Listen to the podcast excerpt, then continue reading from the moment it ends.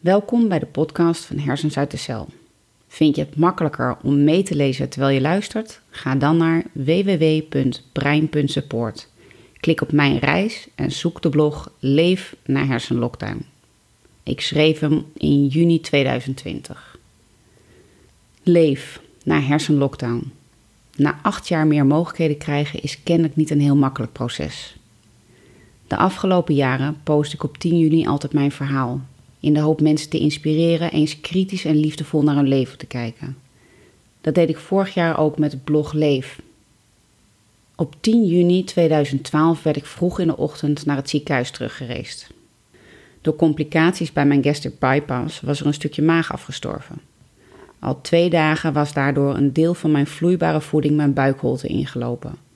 Met een complete buikvliesontsteking en een levensbedreigende septische shock werd ik opgenomen in het ziekenhuis om er pas drie maanden later weer uit te komen. De gevolgen van die gebeurtenissen bleken in 2016 levenslang.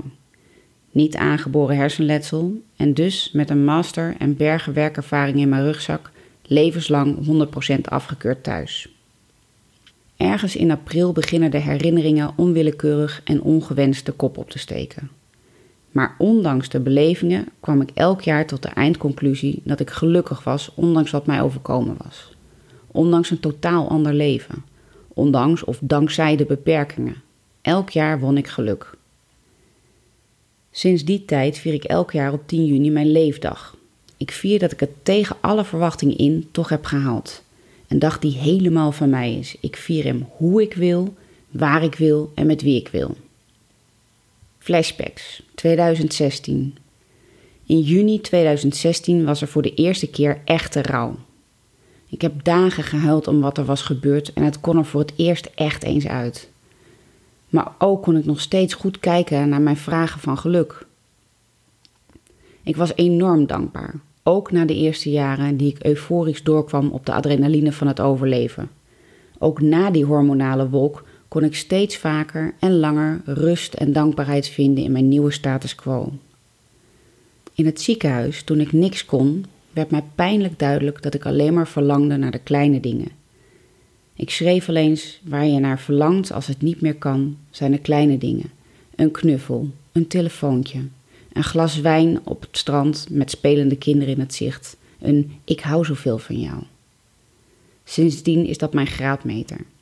Is mijn leven gevuld met de dingen die mij gelukkig maken? Doe ik wat mij energie geeft?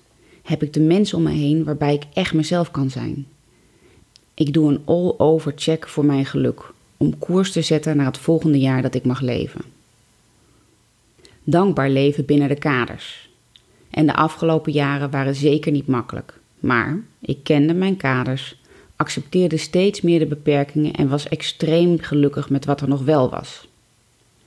Het past in het doosje. Het reikte tot de begrenzingen. Het vulde elk gaatje van de mogelijke en beschikbare ruimte. Geluk. Ik heb mijn leven lang al te maken met schommelingen van geluk en onrust. Als ik terugkijk, heeft dat altijd te maken gehad met het niet volledig gebruiken van de mogelijkheden. Een studie die te weinig uitdagend was. Geen aansluiting op school, werk waar ik niet mijn volledige ei in kwijt kon, relaties waar ik niet tot mijn recht kwam. Het geeft mij onrust en ongenoegen. Als ik dit zo schrijf, dan zie ik een correlatie. Geluk gaat bij mij over het volledig opvullen van de ruimte. Ik verlang naar die dingen die op het randje van mijn mogelijkheden liggen.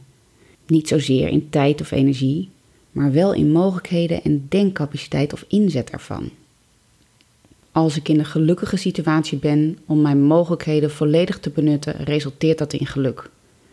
Zijn die mogelijkheden beperkt, zoals de afgelopen zeven jaar het geval was, dan nog steeds is er geluk als ik de mogelijkheden maar maximaal gebruik. En dat is nu niet mogelijk. Dit jaar voelt mijn leefdag als de eerste oud nieuw na mijn overleving. Al jaren vierden we oud en nieuw uitbundig. Meestal op uitnodiging ergens met een grote groep mensen. Gezelligheid, lachen, borrelen en het nieuwe jaar inluiden. En als er één jaar was waarop ik als geen enkel andere keer dat had willen doen, dan was het toen ik 2012 vaarwel kon zeggen en 2013 wilde begroeten. Maar er was niks. Echt helemaal niks. Er waren wel uitnodigingen, maar niet voor ons. Er waren wel feestjes, maar niet met ons. Zelf iets organiseren was nog een enorme opgave, al wist ik nog niet waarom. maar iedereen was al bezet. Mijn meest belangrijke oud nieuw werd er één met ons gezien, bijna als elke andere avond in het jaar. En dat deed zo'n pijn. En dit jaar zijn er geen kaders om langs te meten, geen referenties om de jaarlijkse vragen aan te meten. Dat geeft mij een verloren gevoel. Waar in mijn dromen dit de leefdag zou zijn, met het grootste geluk en de hoogste verwachtingen, ligt het stil. Als die eerste oude nieuw van 2012 naar 2013. Het is stil, ondefinieerbaar, maar met grote verlangens en grootse verwachtingen. Veel resultaat, maar niet op gebied van bijvoorbeeld financiële onafhankelijkheid. En ik voel zo ontzettend veel urgentie. Urgentie, want de kinderen worden steeds groter. We hebben een fantastisch huis en ik ben zo dankbaar dat ik het tegen alle verwachtingen in op mijn unieke manier ons thuis heb kunnen maken. Er is maar één ding waarom het zorgt voor urgentie en dat is ruimte. Ella en Kai slapen op één kamer. Gescheiden door een geluidsdempend gordijn heeft Kai 4 vierkante meter en Ella ongeveer 7. Op zich werkt, werkt het prima. Maar een meisje in de puberteit heeft behoefte aan privacy, die een jongetje van 11 meestal ziet als een aanleiding om haar in die kamer op de kast te jagen. We redden het nu prima, maar er komt een tijd, en die komt snel, dat dit een veel lastiger punt wordt. Mijn tijd om het te organiseren wordt dus elke dag korter. En dan is er corona tussendoor. Het virus waardoor ik niet gedwongen door beperkingen tussen vier muren zit, maar genoodzaakt door mijn eigen keuzes. Ik weet dat ik geen groter risico loop om het te krijgen, maar zeker wel als ik het zou krijgen. De kans dat ik heel ernstig ziek word is serieus aanwezig. Ik heb het zo goed mogelijk geprobeerd uit te zoeken na een waarschuwing van CFX. Het hersenletsel en de gevolgen daarvan voor mijn systeem maken mij, eenvoudig gezegd, vatbaar voor een overreactie van mijn natuurlijke afweermechanisme. Vaak heeft dat een cytokinestorm tot gevolg. Een cytokinestorm is wanneer de natuurlijke afweerreactie in overdrive gaat en daarmee meer schade doet dan goed. Het is, zo ik nu uit de wetenschappelijke publicaties begrijp, de eerste stap op weg naar mijn septische shock geweest. Ik weet dus dat dat mij al eens is gebeurd.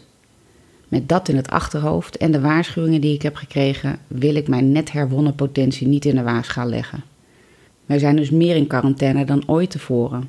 Waar we ondanks de gevolgen toch nog graag uit eten gingen, doen we dat nu niet. Even ergens koffie drinken, toch maar wachten tot later. Geen kapper, geen nagels, geen vrienden, maar ook geen opa's en oma's. Zelfs niet mijn oudste zoon en ik mis hem zo. Gewoon nog minder dan voorheen. En dus zeker geen mogelijkheid om te testen waar de mogelijkheden liggen. En nog veel schrijnender, geen gebruik kunnen maken van de mogelijkheden die er weer zijn. Ben ik gelukkig? Dus ben ik nu op dit moment, in deze dagen die altijd al zorgen voor een reality distortion field, echt gelukkig? Nee. De vraag is: wat maakt geluk? Het antwoord op die vraag is de aanwijzing naar de eerste stap. Misschien is het wel zo dat omdat er meer mogelijkheden zijn, dat ruimte geeft voor verlangen. En dat die combinatie ook zorgt voor noodzaak en frustratie. Als er immers geen mogelijkheden zijn, door een aanwijsbare reden, is er ook geen noodzaak om meer te willen of verder te zoeken. Die voel ik nu juist intens groot. Het is misschien wel het ultieme bewijs dat er ruimte is ontstaan. Zonder wrijving geen glans. Frustratie komt bij mij altijd voor de doorbraak. Ik ga deze dagen maar gewoon aan. Zelfs als dat betekent dat ik vandaag liever over zou slaan. Zoals ik in het ziekenhuis dagelijks besefte. Seconden worden minuten, minuten worden uren, uren worden dagen, dagen worden weken. De tijd gaat door. Na acht jaar meer mogelijkheden krijgen is kennelijk niet een heel makkelijk proces. Er is vast licht aan de horizon. Er komen kansen. Ik ga ontdekken waar ik goed in ben en wat ik wil gaan doen. Ik voel, dus ik leef.